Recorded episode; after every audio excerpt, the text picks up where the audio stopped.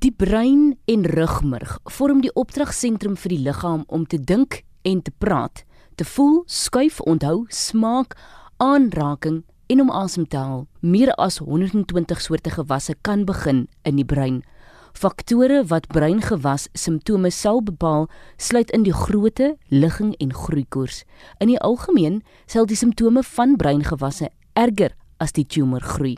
Die mees algemene simptoom van 'n breingewas is hoofpyn. Hoe dikwels die hoofpyn voorkom, verskil wyd. Hulle mag konstante of gereelde hoofpynne wees en kan gereeld of so nou en dan voorkom.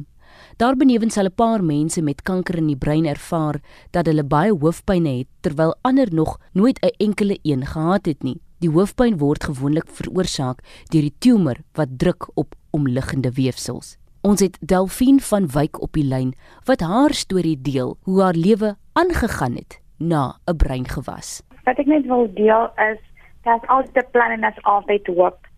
Ek was gediagnoseer met 'n breintumor in 2010 en ehm um, ja, dit was nog al 'n groot tumor gewees. Die dokter het my gevra, "Moet ek so lank uithou met dit?" Maar ja, aanvanklik het dit begin met hoofpynne en ek het baie moeg geraak.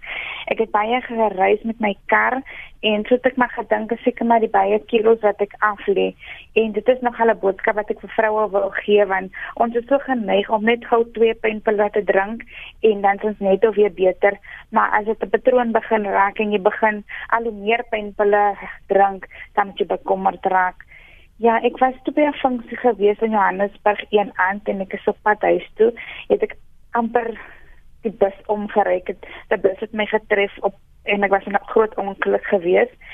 En soos dit maar is, jy met my aangaan, die lewe gaan aan en ek het nog opleiding gehad die maandag, die ongeluk het die Saterdag gebeur, so ek is die Sondag net vinnig dokter toe. Nie gedink is ernstig nie, maar ek het hom toe gesê dat die linkerkant se kant van my ek kan nie mooi sien in die karre, wit en silwer karre kan ek nie mooi sien nie. En toe hy begin vermoed dit kan iets op my brein wees en ek is toe na die dokter toe en lang storie kort ek gelukkig was dit nie kwaadaardig nie en ek het 'n operasie ondergaan in 2010 wat my die woord geduld geleer het van ons wil ons alles nou en gou hê. Ek het toe terapie ontvang wanneer ek mis weer met 'n loopring loop en dis ek maak seker die woord geduld geleer want ek mag glad nie weer kar bestuur nie. So die werk wat ek gedoen het kon ek nie meer doen nie. En ek moes 'n hele lewenstyl aanpassing doen as ek dit so kan stel. Want ek mag nie kar bestuur maar soos baie van ons luisteraars ook weet wanneer ek doen baie meditasies op RSG ook. In Jeremia 29:11 sê dit Hier het altyd 'n plan vir ons. Met die 2010 wat ek gediagnoseer is met die brein tumor, het die goudtrein na Suid-Afrika toe gekom en Uber het gekom. So daar's altyd 'n plan vir wat vir jou voorlê. So, hoe wil jy dan dames of vroue inspireer deur jou storie? Dat ons altyd ook na onsself moet kyk. Want ons kyk na almal rondom ons. Jy kyk of die man okay is, of jou kinders okay is, of jou ouers okay is, maar die laaste een is jouself. En dan het jy ook gepraat van pynpille en daardie verslawing. As ons nou kyk na verslawings oor die algemeen, wat is van die eerste stappe wat mense moet neem om te erken dat hulle 'n verslawing het? Weet jy as dit as jy sien dit beïnvloed jou lewe. Soos ons was in Desember by my ma in Bloemfontein vir die vakansie en jy weet op 'n Kersfees raak dit baie warm in Bloemfontein.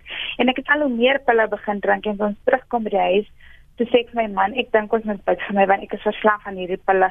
Maar as jy 'n hoofpyn het, daai hoofpyn sê vir jou dat iets fout met jou liggaam, kan dit van jou blaas afkom dit kan van jou niere afkom, maar hy hoofpyn sê vir jou dat iets fout met jou liggaam en verslawing is so maklik. Ek is actually op die oomblik verslaaf aan suiker. Want die medikasie wat ek moes neem, het so sleg gesmaak dat ek begin lekker eet om dit vir my makliker te maak en ek strei nou om suiker minder te maak in my lewe. Delphine, wat doen jy tans? Ja, dit is nog 'n groot ding gewees. Ek kon nie die werk weer doen wat ek gedoen het nie. En ek het vir julle gesê ek kan nie by die huis sit nie. Ek meen, ek het ook drome en ideale en ek het geleer vir wat ek gedoen het. So ehm um, ek het so 'n ander besigheid begin, creative chef wat ek glo ehm um, omdat ek moes gaan kyk het wat is my passies en wat is my sterkpunte. Ek is nogal redelik goed met kook en koopvak. So ek leer ek leer mense om maaltye voor te berei en veral mense wat bediendes het wat dit vir hulle moet doen. Hulle kom na klasse na my toe en ek doen ook tema partytjies byvoorbeeld vir kinderpartytjies of ooievaarsdee en sulke goed so ek gaan uit met die hele voorskoot en die chef hoetjie al die te behore en die mense bak en brou en dit is hulle sis die gewone tema partytjies dit doen ek op die oomblik. Dankie Delphine dat jy jou storie met ons gedeel het. Dankie so